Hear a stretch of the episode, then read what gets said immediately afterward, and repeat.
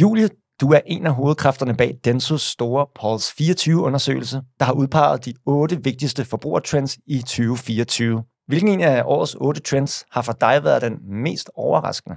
Den mest overraskende har nok været fake it. Hvad går den ud på, og hvorfor har den overrasket dig? Jamen, øh, jeg havde overhovedet ikke set den komme, og det er jo nok det, der overraskede mig mest. Det er jo det der, når der endelig en gang imellem er en trend, som man virkelig ikke havde set komme det er en modtrend til alt det her med autenticitet og troværdighed, mm. som vi taler om. Så er ligesom kommet en modtrend. Ja, okay. Nå, men autenticitet har jo været den hellige gral i mange år, så det, det er pudsigt. Ja, det er nemlig det, og jeg tror også, uh, autenticitet... Det er faktisk rigtigt, det hedder ikke... Nej. Nej, autenticitet, ja. Ja, den har jo været en kæmpe trend i rigtig mange år. Det er den stadigvæk, og det fortsætter der også med. Men der er altså også kommet den her modtrend, der handler om, at nogle gange så er det falske egentlig helt okay, og måske endda meget sjovere eller grønnere. Grønnere? Det kan jeg slet ikke forestille mig, hvordan det kan blive grønnere. Nå. Julie, vi kommer tilbage til fake it-trenden senere i den her podcast, for det er jo bare en blandt en håndfuld vigtige forbrugertrends, som vi i dag tager fat i her i Indsigten, en podcast af Mediet Markedsføring, der i dag står i trendens tegn. Mit navn det er Emil Nørlund, og Julie, du hedder Daggaard til efternavn. Du er Executive Strategy, Sustainability and Growth Director i byrågruppen Dentsu, og du sidder i gruppens kontor i Aarhus, hvor vi i dagens anledning optager her i Steffen Max Høs podcaststudie. Han optager normalt podcasten Bæredygtig Business, og vi har altså fået lov til at låne det her fine studie, og mange tak til ham. Nå, Julie, i Denso, der har man de sidste 16 år udgivet den her årlige trendrapport Pulse, en rapport, som identificerer tidens vigtigste forbrugertrends. Og du er en af hovedkræfterne bag den nyeste rapport, og du var med til at præsentere den til to udsolgte arrangementer, henholdsvis her i Aarhus og i København tilbage i december måned. Men ikke nok med det. Det er faktisk tiende gang i træk, at du arbejder med den her rapport. Hvordan er det? Jo, det er vildt. Altså, for det første så føler man sig nok lidt gammel, når man tænker, man har lavet noget i 10 år. Men øh, det har været sjovt hver eneste år. Der er altid noget nyt, så det er noget af det, jeg ser allermest frem til hele året. Okay, det er årsjulets højdepunkt. Ja, det må jeg sige, det er det, og det er jo også bare så taknemmeligt at lave trends til marketingfolk, fordi de er så åbne og nysgerrige, så derfor er det super fedt at præsentere for dem, hvor jeg forestiller mig, hvis jeg nu lavede det for finansfolk eller mm. eller andet, så var de måske lidt mere lukkede, så det bliver altid taget rigtig godt imod. Det eneste, jeg kunne forestille mig, folkefærd, der ville tage endnu bedre imod det, var måske modefolk. Ja, de er jo næsten sådan øh, lider lidt hungrende efter det. True. Men Julie, når man har arbejdet så længe med et område, som du har, så er man vel jo automatisk blevet en slags ekspert. Ser du dig selv som en trend-ekspert? Det er vel ikke nogen beskyttet titel, men, men nej, det gør jeg faktisk ikke, for der er jo nogen, der arbejder med fremtidsforskning og kalder sig futurister, og det gør jeg ikke, men det er klart, jeg bruger hele året rundt på at observere mønstre og forbrugstendenser. Og jeg er jo allerede nu begyndt at kigge ud til uh, Pulse 25, mm. uh, så jeg er jo i hvert fald lidt fagligt skadet, kan man sige. Men hvordan har det været at arbejde så meget med trends, som du så må have gjort over en, en så lang periode som 10 år? Jamen netop fordi der jo hele tiden sker noget nyt, og kommer nye teknologier, eller højere lavkonjunktur, eller der sker så meget, så bliver det jo ved med at være sjovt og fornyende, og kræve, at man gør sig umage. Så på den måde er jeg ikke kørt træt i det. Jeg synes egentlig bare, at det bliver øh, sjovere og sjovere for hvert år, der går. Okay, det er lidt ligesom måske, når man... Øh, jeg kan se, når folk, der ser fodbold, ikke forstår fodbold, så er det ikke så sjovt. Men lige så snart de sætter sig lidt ind i det, så bliver det jo straks sjovere og sjovere. Er det også sådan, det har været lidt med dig og Trends? Ja, det er det også, øh, når jeg arbejder for virksomheder med nogle megatrends til deres virksomheder, så jeg rent faktisk kan se, at de bruger det både i produktudvikling, i forretningsudvikling og ah, i kampagner, ja. og se, at det virker, og det leverer forretningsresultater, så er det jo vildt sjovt at vide, at det har jeg haft en lille bitte finger med i spillet. Ah, det kan jeg godt forstå. Ja. Ja, ja. Og det kræver nogle år, før man ser de resultater jo. Ja, men altså nu hvor du har arbejdet så lang tid med trends, er der en eller anden form for sådan overordnet indsigt, du har fået? Altså, man kan også bruge det frække ord, en åbenbaring, eller jeg tænker bare, når man arbejder så lang tid med noget, så kan det være, at man man en eller anden dag får sådan en, aha, Ja, man kan jo se, at den måde både nye produkter og vækststrategier og reklamer bliver taget imod på, det er så afhængig af, hvilken sindstemning der er i samfundet, og hvilken sådan forbrugertankesæt der er. Så det med hele tiden at være tæt på forbrugerne og vide, hvad, hvad bekymrer dem, og hvad drømmer de om, og hvad, hvad er deres behov, det er så afgørende for, om en trend rammer rigtigt, eller en, en ny kampagne rammer rigtigt. Så det er sådan en hvor jeg bliver ved med at få aha-oplevelsen, og ikke forstår, at alle andre ikke, også ser åbenbaringen i, at selvfølgelig skal man være dem, der kender forbrugerne aller, allerbedst. Ja. Okay, så forbrugerstemningen går forud for at kunne tale om trends, eller? Ja, det er at se øh, mønstre i forbruget og i ja, sindstemningen, eller hvad vi nu kan kalde den, og deres tankesæt. Det er at se de mønstre, og så ligesom kan bygge på dem, og så forecaste, når, hvis vi ser den her tendens, fortsætter den opad eller nedadgående. Så det synes jeg er altafgørende for at ramme rigtigt, uanset om det er et produkt, en trend eller et reklamebudskab. Jeg var jo inde og se jeres præsentation af Pulse 24 i København her i Den Sorte Diamant i december. Der var fulde huse, så det virker jo populært. Og i Denso Regi, der har I lavet den her analyse i 16 år nu. Men hvorfor er forbrugertrends så vigtige at arbejde med, siden I, har, ja, I bruger så meget tid på det og har gjort det i så mange år? Det er ikke en gratis omgang at bruge så mange kræfter på at lave de her rapporter. Hvorfor er det så vigtigt for jer at lave de her trendanalyser? Ja, du har helt ret i, vi bruger virkelig mange ressourcer på det. Og det er vigtigt, fordi vi simpelthen har et mål om i Denso, at vi vil være dem, der kender forbrugerne bedst.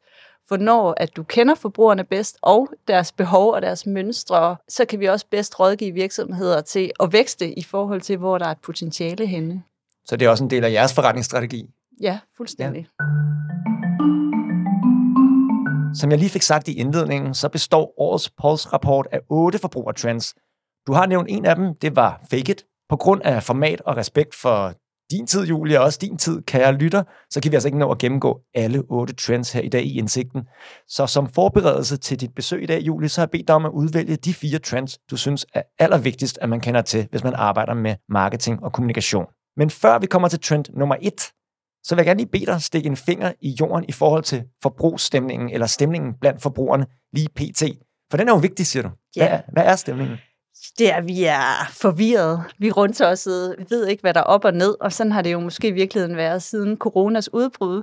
Lige nu er det jo sådan nogle geopolitiske ting, det er krige, det er økonomisk usikkerhed, Ja. og noget af det, vi har set i vores øh, både kvalitative data og vores store spørgeskemaundersøgelse, det er det her med, at der diskuteres, om vi er i en økonomisk krise. Jeg ved ikke, synes du, vi er i en økonomisk krise? Godt spørgsmål. Det tænker jeg egentlig ikke. Jeg tænker, at vi lige med nød og næppe har undgået det. Så en rendyrket krise, nej, men, men, men åh, alligevel. Og det er jo lige præcis det, vi, vi ved det ikke rigtigt. Altså, så får vi at vide, at inflationen er så høj, nej, den nærmer sig nul.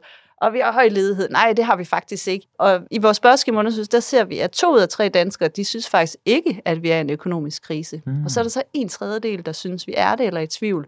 Så danskerne er jo også splittet, og hvis vi spørger økonomerne, nej, teknisk set er vi ikke i en recession. Men der er jo den der mådehold, og, og vi passer bedre på vores penge, og vi er blevet bedre til at prioritere, hvad vi bruger penge på. Mm. Og så er der faktisk også 43 procent af danskerne, som siger, at de føler sig stresset over, at vi hele tiden taler om økonomisk krise. Og det er måske også lidt det, du beskriver, ikke? Ja. Du tror ikke, du er i en økonomisk krise, men du er lidt stresset over, hvad nu hvis vi er? Ja. Øh, og, Og- og, det er ret kendetegnende ved sådan sindstemningen lige nu, det er, at vi er rundtossede. ja, bare det, du spørger mig, stressede mig faktisk lidt. Og det er jo derfor, vi også ser den her mådehold i forbruget, at der er rigtig mange, for eksempel, der holder op med at købe økologi, men vi kunne jo nok egentlig godt have råd til økologi, hvis vi ville prioritere det. I hvert fald en stor del af befolkningen. Ikke? Mm. Mm. Så, vi ser en hardcore prioritering i, vi ser sådan noget som luksusprodukter, er jo også begyndt at falde nu. Det er ikke kun dagligvarehandel Mm. og køkkener og alt muligt andet. Så det eneste, vi egentlig ser, der stadigvæk går okay, det er rejsebranchen. og Det er en af eksemplerne, hvor vi så Ja. prioriterer at bruge penge. Det har vi fortjent i de her hårde tider. Ja. Det er at komme ud at rejse.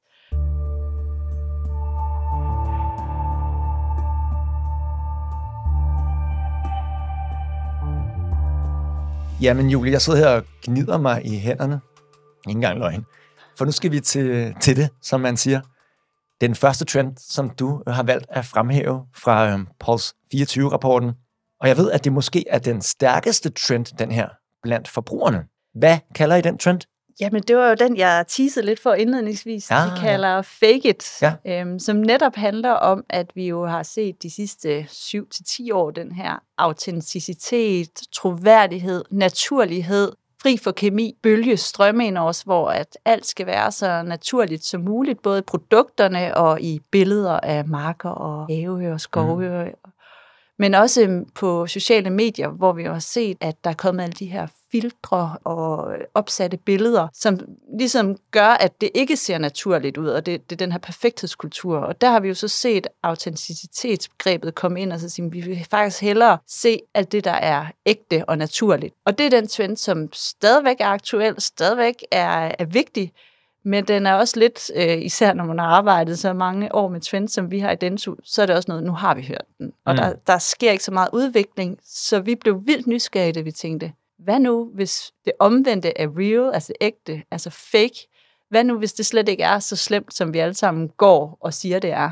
Og det var det, der gjorde, at vi sådan dykkede ned i hele fake-begrebet, falskhedsbegrebet. Mm. Så fra hashtag no filter, så er det okay filter? Nej, det er det ikke. Man må ikke forstå, altså, og det der med, at der er aldrig en trend uden en modtrend, og man må Nej. ikke se, det ægte og realistiske er stadigvæk vigtigt, og det er stadigvæk sindssygt vigtigt at have en kamp om for eksempel filtre, og jeg er enormt fan af sådan nogen som Dove, der for eksempel arbejder med det her inner beauty og real beauty, hvor de siger, at øh, der er altså rigtig mange øh, unge mennesker, især der mistrives på grund af de her perfekthedsbilleder og filtre på sociale medier. Så det er absolut ikke en opfordring til bare glem alt om det. Okay det er et parallelspor, der handler om, at 62 procent af danskerne, de er trætte af, at alt skal være så politisk korrekt. Altså, vi er kørt døde i, at det hele skal være så ægte, og det kan også blive for meget at se billeder af hverdagen på sociale medier. Så det er jo at finde den her balance, men vi skal have lidt af hmm. begge verdener i virkeligheden. Da jeg var inde i den uh, sorte diamant og se jeres præsentation, der kan jeg huske, I talte om, jeg skiftede fra, der er den her app, der hedder Be Real, hvor øhm, jeg mener, at det er en, øh, ligesom en ligesom foto-app, der ligesom siger, nu skal du tage et billede, og det skal være et ægte billede, øh, lige nu og her. Du har et vis antal sekunder. Og så var der et, et modsvar til den, der ligesom illustrerede meget godt, hvad det nye kunne være. Hvad var det nu, det var? Ja, altså Be Real-appen, den tror jeg, der er en del, der har prøvet at være inde på. Der får man netop det her billede fra ens venner, der skal tage det lige sekundet. Og det bliver bare, hvis man har prøvet det, opdager man ret hurtigt, det bliver ret kedeligt fordi det bliver et billede af et tastatur, eller en kaffekop, eller en cykelhjelm, eller hvad der nu lige fylder i dagligdagen. Så ja, målet er at komme tættere på hinanden på den ægte dagligdag, men det bliver bare rigtig kedeligt. Og det er derfor, at Be Fake, den blev lanceret sidste år som et modsvar til det, hvor de siger, det behøver ikke være så kedeligt. Så de har simpelthen integreret AI-teknologi på, at du stadigvæk skal tage billeder af hverdagen, men så må du bare redigere det helt vildt ved brug af generativ AI, så du pludselig kan, i stedet for at sidde på kontoret, så sidder du ude i rummet, for mm. eksempel. Og det er jo for at få sin kreativitet ud og lave den her mulighed for at gøre hverdagen sjovere og sådan lidt eskapisme også. Så det er jo kreativ udfoldelse, med, der er totalt forfalsket jo, forfalsker virkeligheden, men det er med fuldt overlæg, og det er også transparent, så der er ingen, der er i tvivl om, at du ikke sidder på månen. Og det er jo bare sjov og leg. Og mm. det er jo mm. faktisk for at få noget mere leg og kreativitet ind i dagligdagen. Men er transparensen vigtig i den her henseende? Ja, den er altafgørende. Når vi skal ud og lave anbefalinger til, at man begynder at, at lege med den her trend fake, øh, så er det vigtigt, at man er både transparent, hvis man har lavet noget delvist fake, eller noget fuldstændig fake. Men vi mener så også, hvis der ikke er nogen etiske kvaler i det, så er det okay, så længe man er mm. transparent om det, og der er en årsag til, at man gør det. Og den årsag, det kan jo være den kreative udfoldelse, det er en, en årsag. En anden årsag, det kan være faktisk af etiske årsager. Vi så jo øh, Børns Vilkår være ude i år med en kampagne, der hedder Alma kan ikke gøre noget, når mor slår, men det kan du som er en opfordring til øh, voksne, hvis de har en mistanke om, at et barn, der bliver slået derhjemme, så skal man gøre noget. De valgte så at lave et AI-genereret barn og sætte på den her kampagne. Og hvis de havde sat et rigtigt barn på, så begynder det jo faktisk at være lidt etisk, øh, for hvad så, så skal det barn for altid blive, øh, ligesom blive associeret med at blive slået. Så lige præcis i sådan et tilfælde, der er det faktisk mere etisk ansvarligt at lave et AI-genereret billede af Alma. Hmm. Og der er de jo så skrevet ud siden af billedet øh, på kampagnen, at det er et AI-genereret billede, så de er mm. transparente om det. Det er sjovt, jeg kender godt kampagnen, og når jeg har hyldet den for det greb, for det, jeg synes også, det var en god måde at bruge AI på, men så er der nogen, der har sagt til mig, men så kan jeg jo ikke rigtig tage den seriøst, så er den ikke ægte. Og, og der, bliver der er lidt i tvivl om, hvad jeg skal svare. Men gør det noget, den ikke er ægte? Jamen, det ved jeg ikke. Det er jo åbenbart okay at være be fake, ikke? Ja, og så tror jeg, vi er så øhm, optaget af, om det er ægte eller ikke ægte. Og vi ser faktisk især generation Z og dem yngre end dem, de er ligeglade med, om det er ægte eller ikke ægte. De går ikke op i det. Der er mange, der spørger sådan de her sci-fi film. jamen, tror du, de er Matrix for eksempel? Tror du, den er ægte eller ikke ægte? Sådan, det ved jeg faktisk ikke, og jeg er også ligeglad. Det betyder ikke noget for mig. Så det her skæld, som os, der er en lille smule ældre, går op i, det ser vi faktisk, at øh, den mere sådan digital fødte generation ikke går op i. Julie, hvad er det allervigtigste, man skal tage med sig videre? Hvad skal man lige notere på bloggen foran sig øh, omkring den her fake it trend? Jamen, øh, nu har vi jo været lidt inde på at det her med, at det kan være en kreativ udfoldelse, det kan også være en etisk valg, men det kan faktisk også være et grønt valg, øh, som jeg indledte med at sige også. Og det er noget af det, som, øh, som vi ser, det er jo for eksempel fake furs eller 3D-printet kød, diamanter, der er skrabt i laboratorier i stedet for i miner. Vi ser foie gras, du nu kan købe plantebaseret, der stadigvæk så ud, skrives det bare fagsgras, men foie gras, ja. altså det falske foie gras, ja. som er plantebaseret, som alt sammen er godt for dyrevelfærden, godt for den grønne omstilling, godt for minearbejdernes risikoarbejde. Der kan alt det her øh, fake fur, fake foie gras, fake diamonds, fake kød være en vej til den grønne omstilling.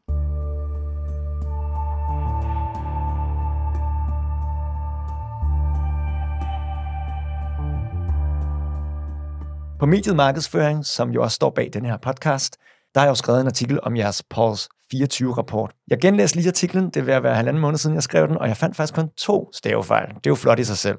Og øh, selvros aside, Julius, så er efterhånden ved at have sådan um, ok godt styr på de otte trends, I præsenterer i den nærværende rapport. Men hvad jeg ikke ved særlig meget om, det er, hvordan I nåede frem til de her trends. Dog ved jeg fra boksen i min artikel, at rapporten er udarbejdet fra august til december sidste år. I har gjort brug af desk research, review af statistiske rapporter, dataanalyse af digitale adfærdsdata og interviews med henholdsvis forskere, forbrugere og marketingansvarlige. Og derudover så har I lavet en spørgeskemaundersøgelse med 1.500 danskere, der er repræsentativt udvalgt og vægtet i forhold til den danske befolkning. Og derudover så har jeg også gennemgået mere end 400 cases som eksempler på de her otte trends.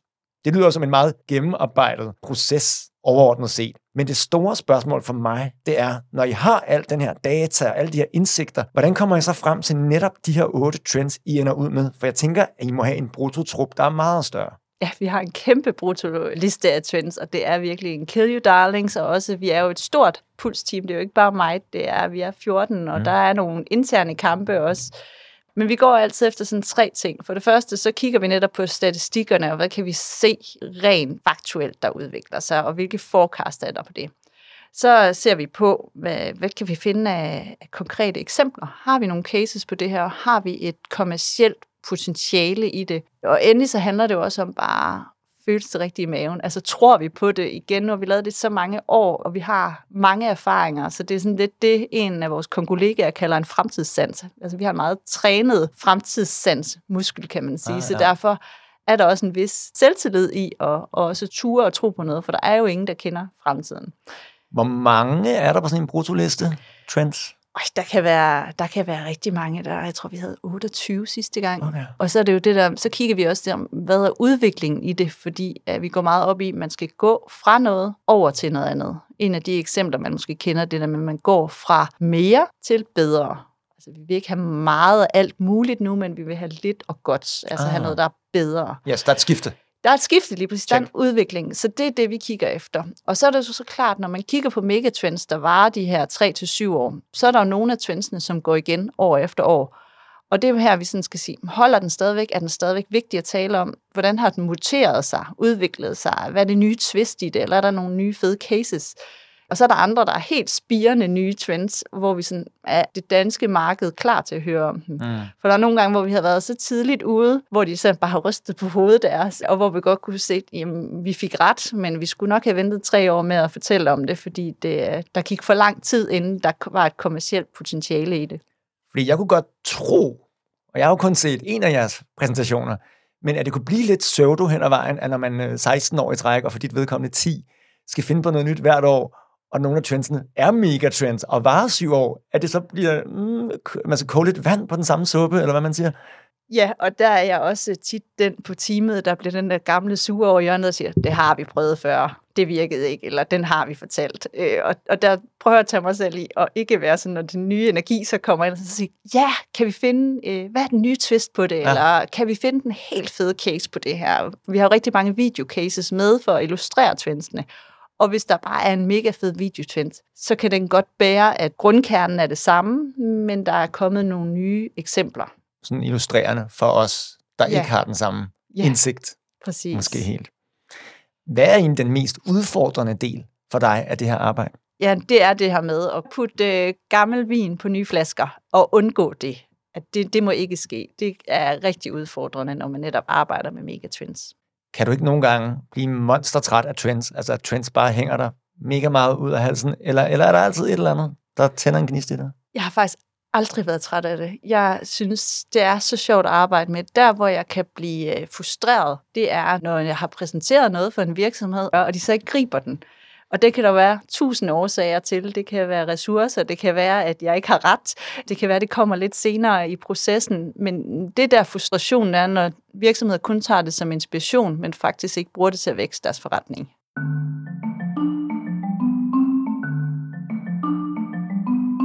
Trend nummer to, Julie, som du har valgt at fremhæve her i dag i indsigten ud af de otte trends, der er i jeres Pulse 24-rapport, den kalder I for Reveal Their Bias. Og når jeg bare ser den på skrift foran mig, så kan jeg på ingen måde regne ud, hvad den handler om. Så gør os klogere.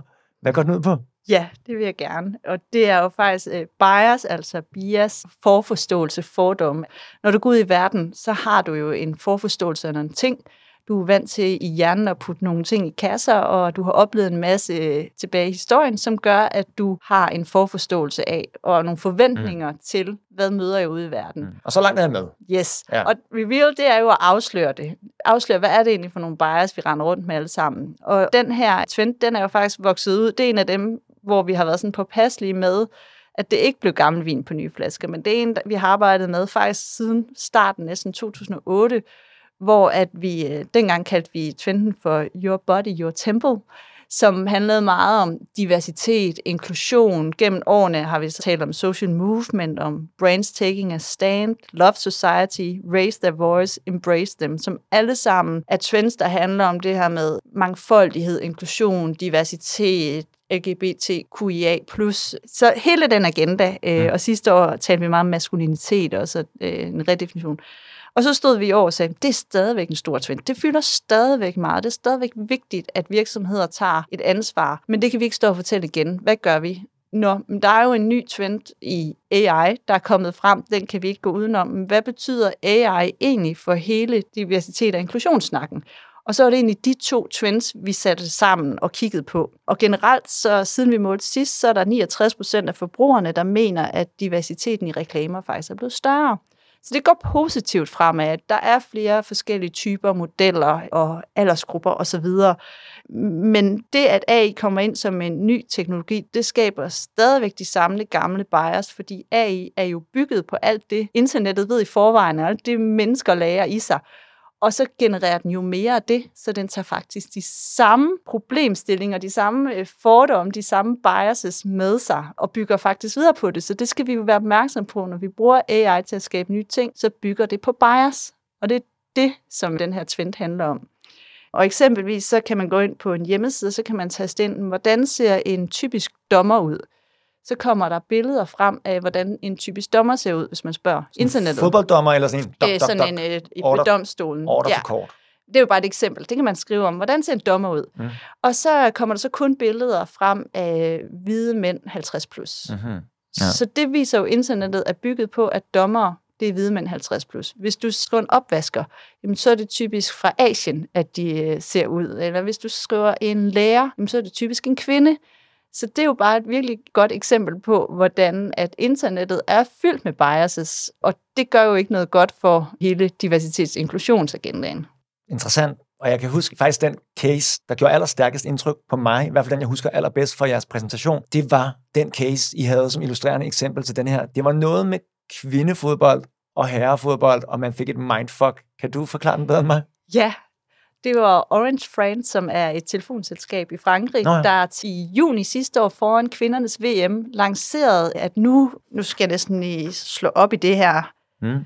Øh, der lancerede de sådan playmakeren Antoine Griezmann og goalgetteren Kylian Mbappé. Mbappé. Mbappé, jeg ja. vidste, jeg 100% ikke udtalt det korrekt. Den er også tricky. Den er tricky. Men øh, der var de ude at sige sådan, ej, bliv klar til verdensmesterskaberne, og det bliver stort, og viste en masse fede mål af dem. Da man ser cirka et minut ind i den her reklamekampagne, så lige pludselig så bliver man netop sådan lidt mindfucked, fordi så viser det sig, at det faktisk er kvindelige fodboldspillere, man har set på hele tiden, men de bare har via deepfake-teknologi sat alle de her kendte mandlige fodboldspillere ind. Og det rykker jo fordommen om, at kvindefodbold er kedeligt at se på. At det går for langsomt, de kan ikke skyde langt nok, de kan ikke lave nok finder, og det modsagde de jo her, fordi det var mega fede finder og mål og tempo, der var i den her mm. kampagne. Og da man troede, det var mænd, så sad man bare, en fed kamp. Og pludselig viser den, at det er faktisk kvindefodbold, du har siddet og kigget på hele tiden. Og det er jo en rigtig god måde at gøre opmærksom på det her bias med, at kvindefodbold er kedeligt. Og den lancerede de så lige før kvindernes verdensmesterskaber. Og det betyder jo vildt meget for kvindefodbold, for at få de rigtige sponsorer til de rigtige penge, så at de også kan få øh, fysioterapeuter og læger de rigtige forhold til at blive endnu dygtigere. Det var mega fedt. Jeg må indrømme, jeg har nok været med på den vogn, der hedder, at kvindefodbold er ikke helt lige så underholdende som øh, mandefodbold. Den vogn er jeg måske stadig på, sorry. Men det var virkelig godt lavet, og jeg, jeg, der, der, var helt klart sådan lige, mm, måske skulle jeg lige revurdere min, øh, min, min stance der, ikke? For det var nogle rigtig fede mål. Ja, Bestemt. Det. Og så synes jeg da også, at vi skal lave et shout-out ud til Advice i Danmark, der har lavet den her øh, plug-in, der hedder øh, Fælleskøn, som man kan installere på sin webbrowser, og så gør den opmærksom på, når sproget er kønnet. Så når man skriver hår på brystet, så er det faktisk kønnet, eller tøsedreng, eller pigesur, eller hvad vi nu har. Øhm, mm. Sådan at man i hvert fald i sin egen tekster kan være opmærksom på, at man ikke øh, kønner sit sprog. Det her med shout-outet. Ja, Julie, hvad skal man tage med sig videre med denne trend? Hvad er de vigtigste sådan, øh, nøgleord, man skal notere sig? Det er, hvis man vil arbejde seriøst med mangfoldighed og diversitet, så kan man ikke lægge alt over på AI, ChatGPT og DAL-I og hvad man ellers arbejder med. Man skal simpelthen have en kritisk bevidsthed om, at de samme gamle biases, de følger altså med.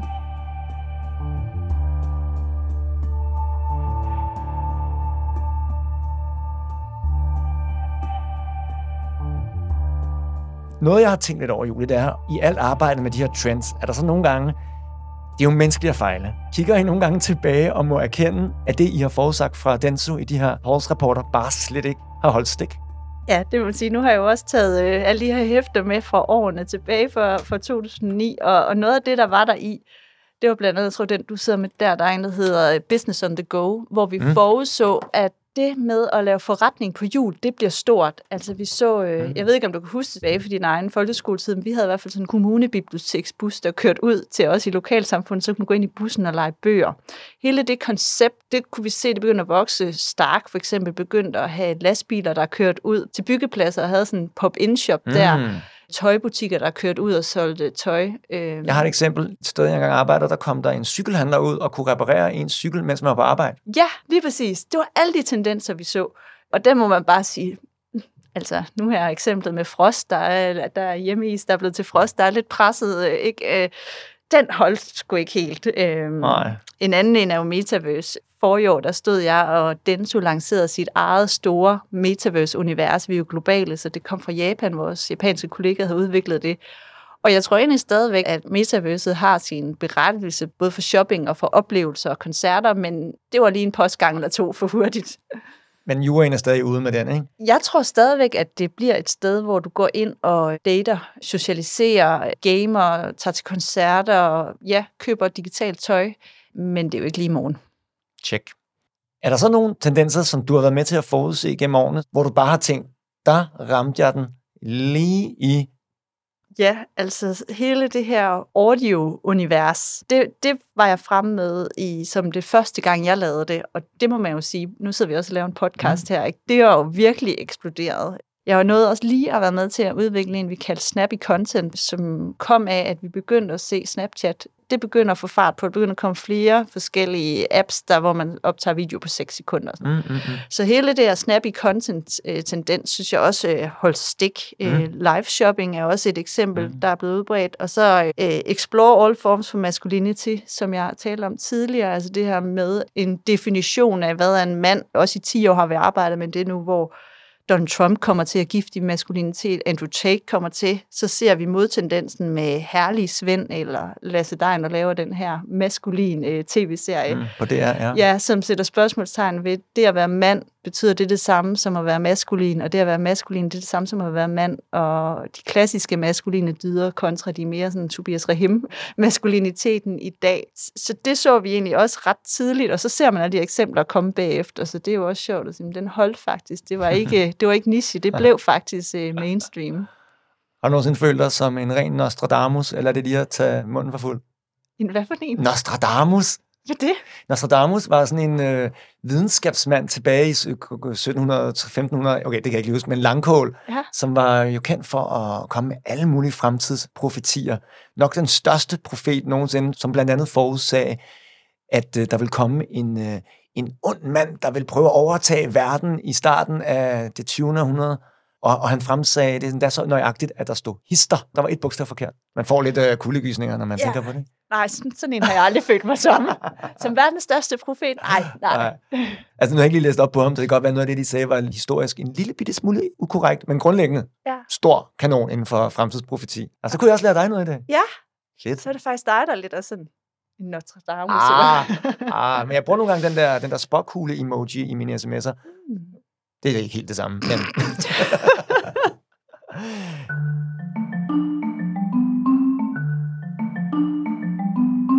Trend nummer tre, du har udvalgt, Julie, den skal vi til nu. Hvad hedder den? Den hedder Age in Your Face.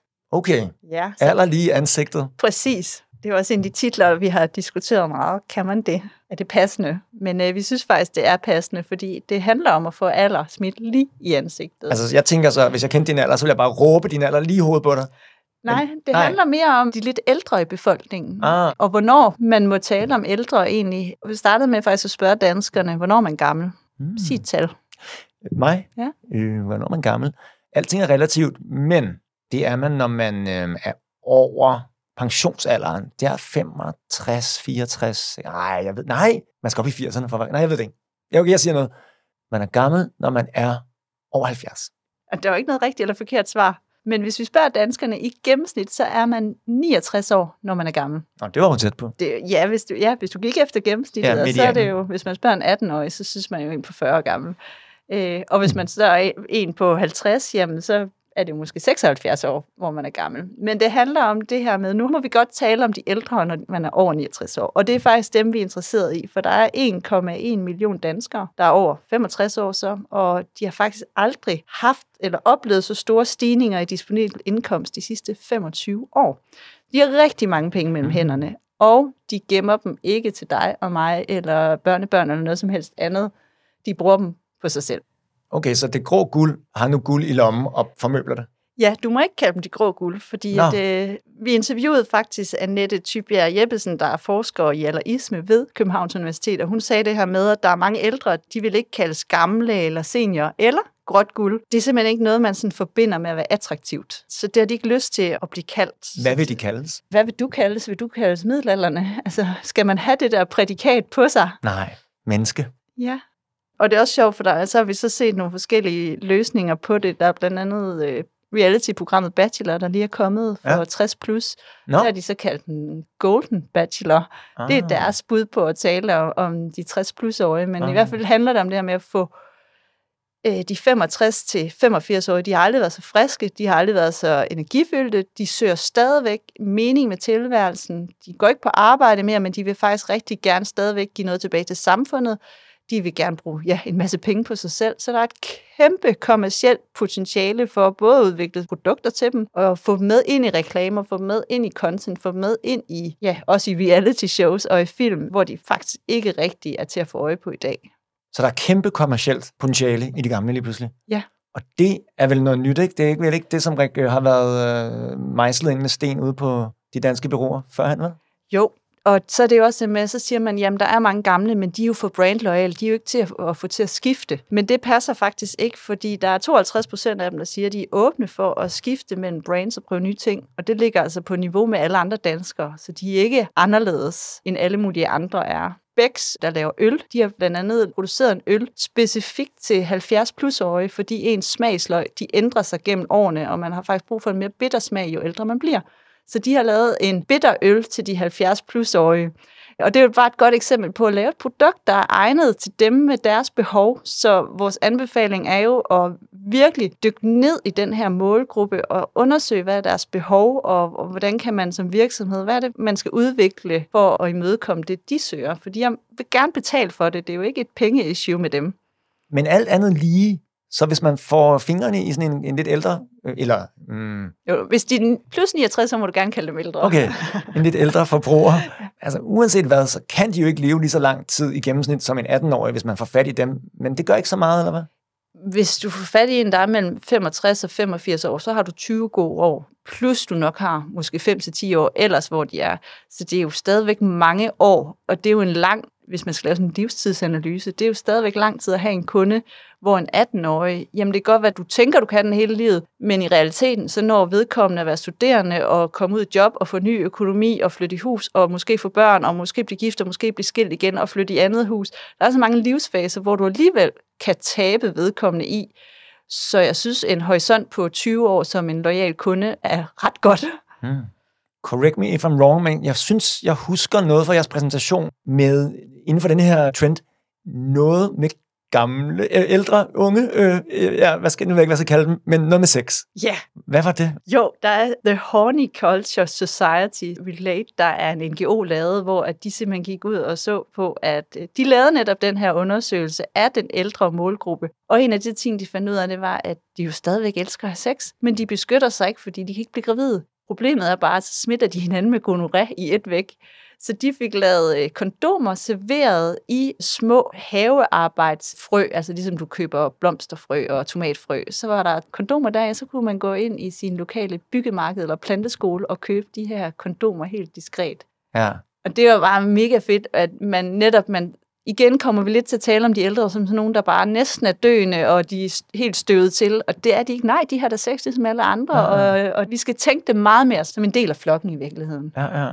Fuld af pep. Så dyk dig ned i, hvad de, mm. hvad, hvad de her har brug for, og hvad du kan til dem.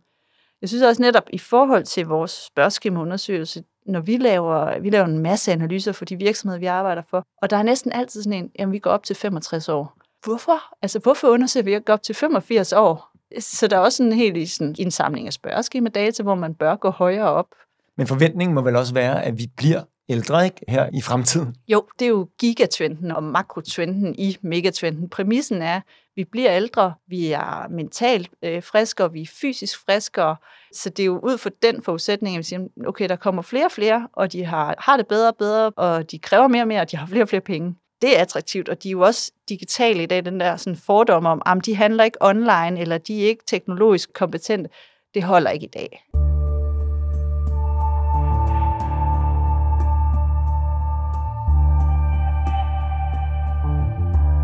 Lige for at rekapitulere, Julia Daggaard, så er du dagens gæst her i Indsigten, og din titel er jo Executive Strategy, Sustainability and Growth Director, og nu er altså tre råbåndsknop på tungen, og du får Denso i øvrigt. Du har en stor interesse i bæredygtighed, og især inden for marketing.